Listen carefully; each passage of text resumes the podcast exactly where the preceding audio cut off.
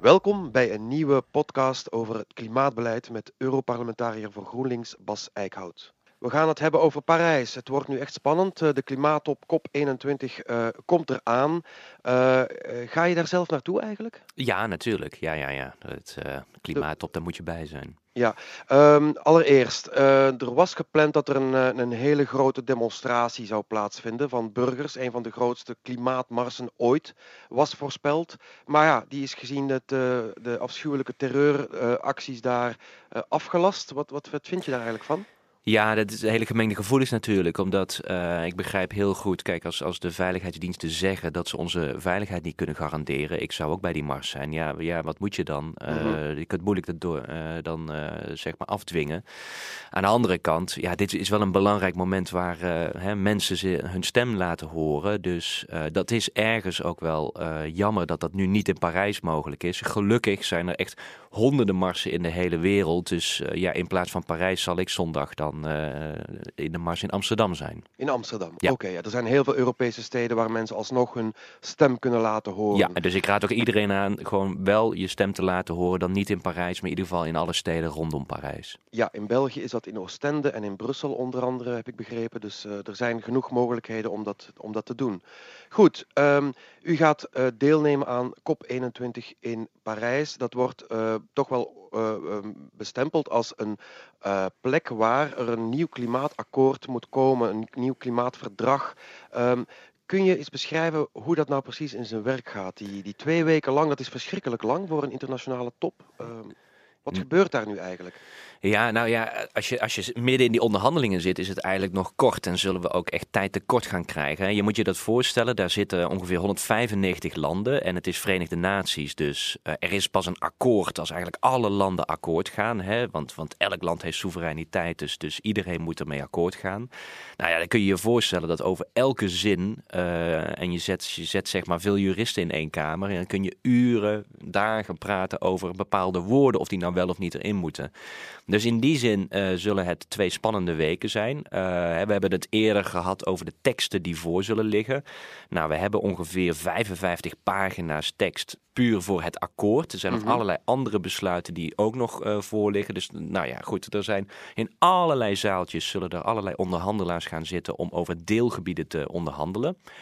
De eerste dag van de top, uh, de maandag, zullen regeringsleiders uh, binnenkomen. Die zullen vooral ja, een beetje een ja, dat wordt een beetje een dag van, van heel veel speeches. Protocol. Je, ja, je kan verwachten dat elke regeringsleider uh, met, met een tranentrekkend verhaal zal vertellen over hoe belangrijk het is. Maar wat heel belangrijk is, is de, om tussen de regels te gaan luisteren naar die verhalen. Hè. Mm -hmm. Meestal is het belangrijker wat ze niet zeggen dan wat ze wel zeggen. Want ze zullen het allemaal heel belangrijk vinden. Maar het wordt belangrijk, hè, welke thema's zullen ze noemen? Welke onderwerpen lopen ze overheen? Nou ja, dat zal die eerste maandag zijn. Ja, verwacht, je, verwacht je overigens dat, dat uh, presidenten als Obama of de Chinese presidenten, dat die heel concreet zullen zijn en bijvoorbeeld over kolencentrales spreken? Of zal het toch wat vager blijven? Nee, ik denk dat het, dat het algemener zal blijven. Hè, eigenlijk hebben alle landen hebben hun plannen al wel op tafel gelegd. In ieder geval de grootste landen ja. uh, hebben hun plan op tafel gelegd. Hebben het ook eerder over gehad. Ik verwacht niet dat, dat daar ineens heel veel substantieel verandering in zal komen. Mm -hmm. misschien op financiën zullen we wat extra beloftes krijgen. Bijvoorbeeld nieuwe Canadese regering. Nou ja, daar verwacht iedereen toch wel dat, dat Trudeau daar op zijn eerste echte internationale conferentie toch ook wel een beetje laat zien dat wij uh, voorbij het Harper-tijdperk ja, zijn. Dat is hoopgevend, hè? Ja, dat is hoopgevend. Dus daar, zul je, daar kun je wat van verwachten. Maar van de grote spelers weten we wel ongeveer wat ze gaan zeggen. Uh, je moet meer gaan luisteren naar van hoe praten zij over een lange termijn doelstelling. Hè? Mm -hmm. Hoe ze dat precies uh, formuleren. Mm -hmm, dus dat zijn, mm -hmm. dat zijn wat algemenere noties. Maar toch, ja, voor de onderhandelaars zullen die echt allemaal heel nauwgezet gaan luisteren. Dat kun je wel verwachten. Je, je begon te vertellen dat, uh, dat het zijn VN-onderhandelingen. Ja. het klonk een beetje alsof men heel erg technisch over punten en komma's gaat, gaat onderhandelen. Aan de andere kant is het natuurlijk hyperpolitiek. Dus hoe, wat, als die regeringsleiders dan weg zijn, wat gaat er dan vervolgens gebeuren? Ja, nou dan, dan eigenlijk de rest van die eerste week is het, is het vooral aan de ambtenaren om te proberen zoveel mogelijk ja, wat minder politieke hobbels weg te poetsen. Uh, er zitten natuurlijk ook hele technische vraagstukken in. Bijvoorbeeld hè, een heel simpel iets wat, wat saai klinkt, maar natuurlijk belangrijk is. Hoe gaat er straks gerapporteerd worden uh, hoe zeg maar, die uitstoot verminderd wordt? Ja. ja, dan moet je bepaalde regels voor afspreken. Anders kan iedereen zomaar iets inleveren in, het, uh, in Bonn, hè, waar het klimaatsecretariaat zit van de VN. Dus daar kun je, dat, dat is heel technisch, maar wel belangrijk. Nou ja, dat soort zaken wil je eigenlijk niet de politici mee vermoeien. Dus we hopen een hoop van dat soort punten in die eerste week te kunnen weghalen. Uh, mm -hmm. Dan de ministers komen dan het begin van de tweede week, de maandag. Dan wordt het dus politieker. Nou, in het ideale geval heb je eigenlijk van die vele pagina's met heel veel open punten, mhm. heb je daar het grootste deel van weggehaald. Zodat je dan in die tweede week echt alleen maar echt politieke hangijzers uh, te besluiten hebt met de politici, met de ministers. Dan krijg je echt de ministeriële verantwoordelijkheid die dan gaat lopen in die tweede week. Maar om even te blijven bij het voorbeeld wat je net gaf, de, zeg maar het, het voorkomen van creatief boekhouden met CO2. Hè? Ja. Um, dat is toch ook een heel politiek uh, uh, punt, want je zegt het is een technisch punt, maar het gaat erom hoe kun je regeringen eigenlijk afrekenen op hun beleid. Dat Ja. is toch hyperpolitiek? Nou, wat vooral politiek wordt, is wat wordt de rol van de VN daarbij? Hè? De Verenigde Naties. Hoeveel mag de Verenigde Naties over de schouders meekijken van landen? Dat Ja. is een, dat is een ongelooflijk politiek vraagstuk. Soevereiniteit. Dat gaat over soevereiniteit.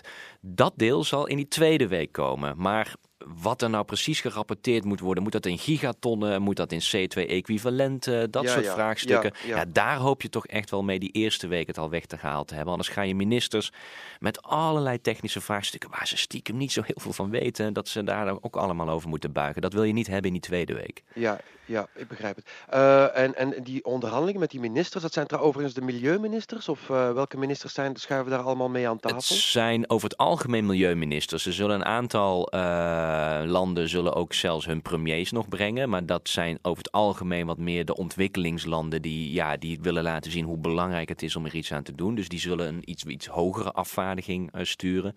Maar de meeste, eh, ja, toch de, de grotere landen of de grotere blokken van landen, die zullen meer met hun milieuministers komen. Ja. Juist. Wat ik mij toch afvraag, je zegt de eerste week gaan ambtenaren onderhandelen over technische eh, eh, eh, kwesties. Eh, maar dat is men toch al vele maanden aan het doen, daar hebben we het ook Ja. een paar keer over gehad. Waarom zou nu die ene week in Parijs nu het grote verschil gaan maken? Is dat omdat er die verwachting van de internationale gemeenschap is van kijk, men moet daar nu eh, echt eh, eh, met resultaten komen? Hoe werkt zoiets? Het is heel simpel, druk op de ketel. Ja. Als jij ambtenaren in een kamer zit van 195 landen en je zegt, nou we zien wel wanneer jullie tot een akkoord moeten komen, dan gaan ze wekenlang praten. Ja. Totdat het moment komt, nee, volgende week moet het afgelopen zijn. Er moet een deal komen. Nou, die druk op de ketel zorgt ervoor dat men hopelijk nu eindelijk een aantal punten echt af gaat ronden. Die eigenlijk inderdaad al maandenlang een beetje voortslepen. Mm, mm, Eh, mm. ja, onder, dat is, hoge druk, onder hoge druk wordt alles vloeibaar, ja, en, wel eens. ja, en zeker politici.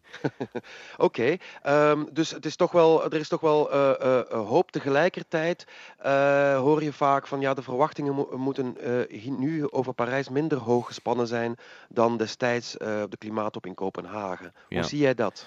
Ja, je, je merkt dat alles, alles nog steeds. Hè, Kopenhagen werkt nog, werpt nog steeds een schaduw eh, over alles heen. Eh, In welke zin? nou, het trauma van Kopenhagen, daar was het, het gevoel van de grote stap komt.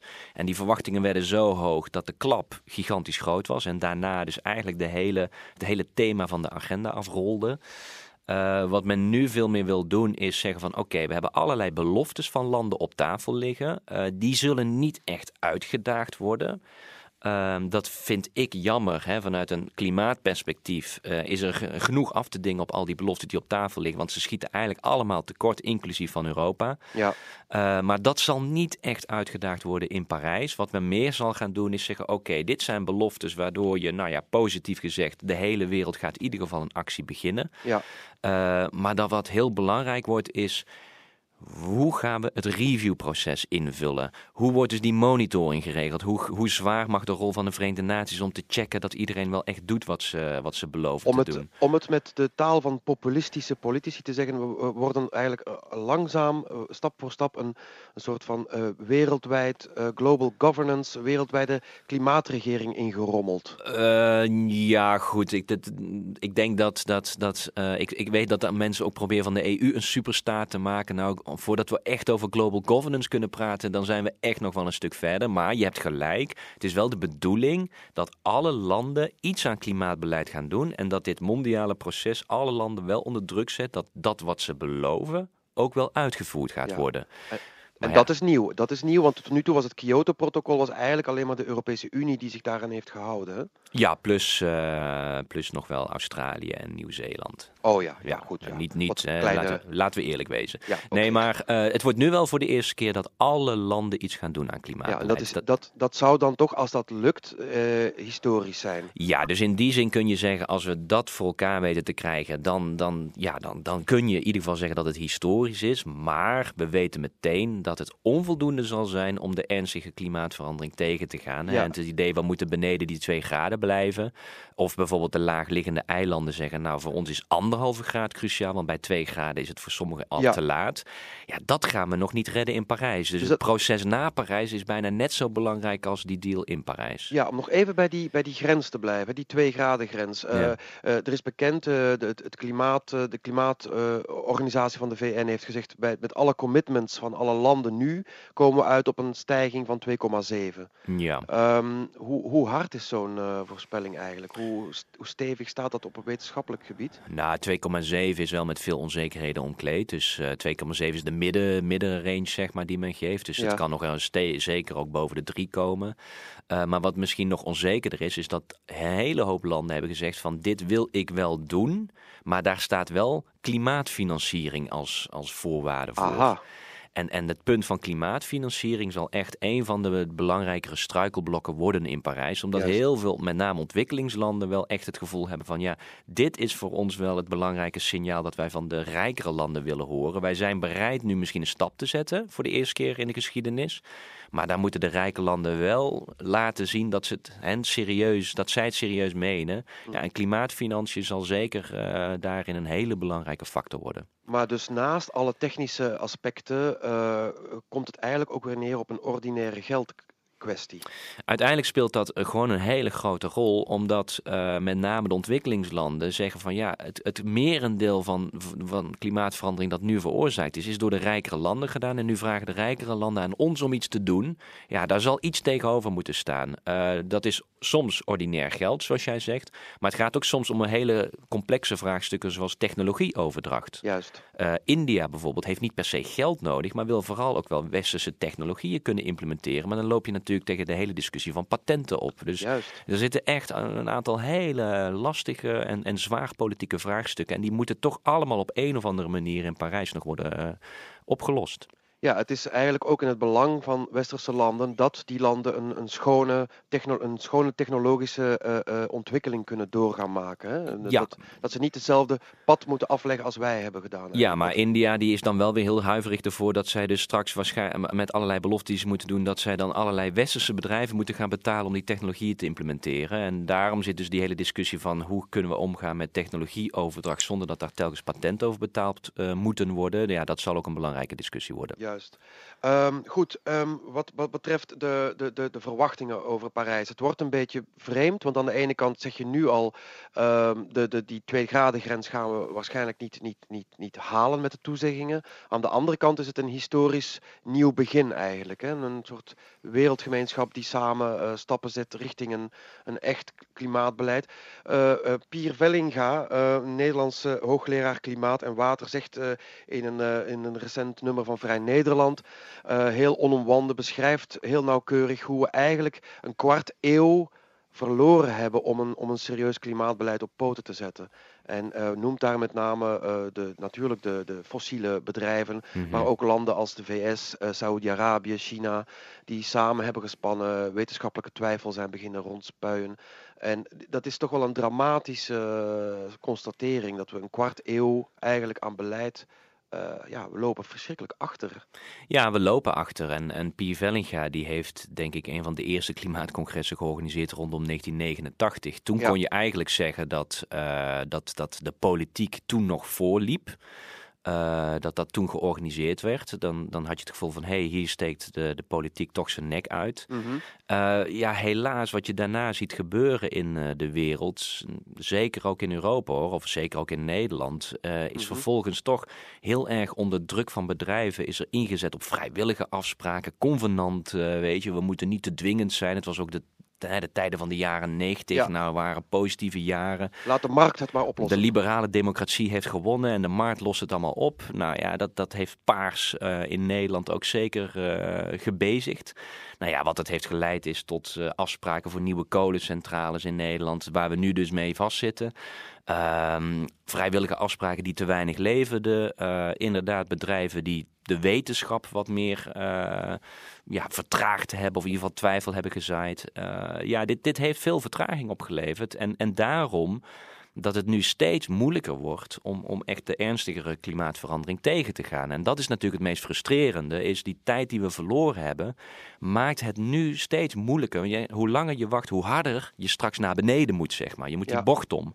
Ja. Uh, en, dat, en, en hoe langer je wacht, hoe scherper je die bocht om moet. Ja, dat, dat is gewoon dom beleid eigenlijk. Hè? Nogal. Uh, maar dit is het klassieke probleem dat klimaatverandering, de effecten zie je traag. Uh, die zie je soms niet eens of ze komen van ver en van, uh, van een lange tijd. Um, terwijl de maatregelen, ja, die zijn nu meteen. er zijn allerlei thema's die politici afleiden. Rondom mm. Kopenhagen leek het even te lukken. Na Kopenhagen hadden we het alleen nog maar over een eurocrisis. En zo zie je dat, dat, dat het telkens weer moeilijk is om, om die stap te zetten. En ja, je wordt er ook een beetje, een beetje moe van. Hè? Als je als politicus weer hoort, het is 2 voor 12. Ja, ik zeg dat maar niet meer, want het, hoe geloofwaardig ben je nog? Mm, mm, mm. Uh, wat het gewoon betekent, hoe langer we wachten, hoe moeilijker, hoe duurder, hoe lastiger het wordt om straks de ernstige klimaatverandering tegen te gaan. Ja. ja, dus Parijs gaat zeker een historische stap worden. Dat hadden we veel liever eerder gezien. Maar goed, we zitten nu hier met de wereld waar we zijn. Die historische stap kan het worden. Maar na Parijs is er nog heel veel te doen om het echt allemaal steviger, ambitieuzer en strakker te maken. Ja, en dat wordt ook een, een zware politieke uitdaging voor, uh, voor jouzelf en voor de groene politieke beweging, neem ik aan, om dat onderwerp dan na Parijs op de agenda te houden. Laatste vraag, hoe zie je dat na het post-Parijs uh, uh, uh, tijdperk? Gaat die, de urgentie dan nog wel gevoeld worden door ja, de publieke opinie, media, de politiek in zijn algemeenheid? Nou, ik denk waar je het meest positief over kan zijn, is dat de publieke opinie eigenlijk steeds meer klimaatverandering wel als een, als een algemeen thema ziet. Mm -hmm. er gebeurt ook ongelooflijk veel, gelukkig juist regionaal, lokaal. Ja. dus, dus die beweging, die, die zal blijven en die zal ook doorgaan. Uh, wat, wat belangrijk voor mijn werk wordt, is eigenlijk één dag na Parijs. Dan zal he, de Europese agenda gedomineerd worden van wat betekent dat voor onze klimaatagenda na 2020. Hè, voor de agenda naar 2030 toe. Ja. Nou ja, daar zien we eigenlijk meteen in januari allerlei politieke gevechten opdoemen. Uh, en, en, dat zal een flink gevecht worden. En, en dat gaan we niet alleen in Brussel doen, dat gaan we natuurlijk ook proberen in alle landen. Uh, bijvoorbeeld daarom dat ook GroenLinks met een klimaatwetvoorstel is gekomen met P van de A. Ja. Uh, om te zorgen dat in de landen er actie wordt genomen. Zodat hopelijk we ook in Brussel die steun krijgen om in Brussel actie van de grond te krijgen. Maar het gevecht na Parijs wordt, wordt alleen maar zwaarder en heftiger op, zeker. Oké, ik wens u daar veel sterkte bij en vooral ook veel uh, succes uh, bij de top in Parijs. Dank, eerst Parijs. Ja. Precies. Dank u wel. Graag gedaan.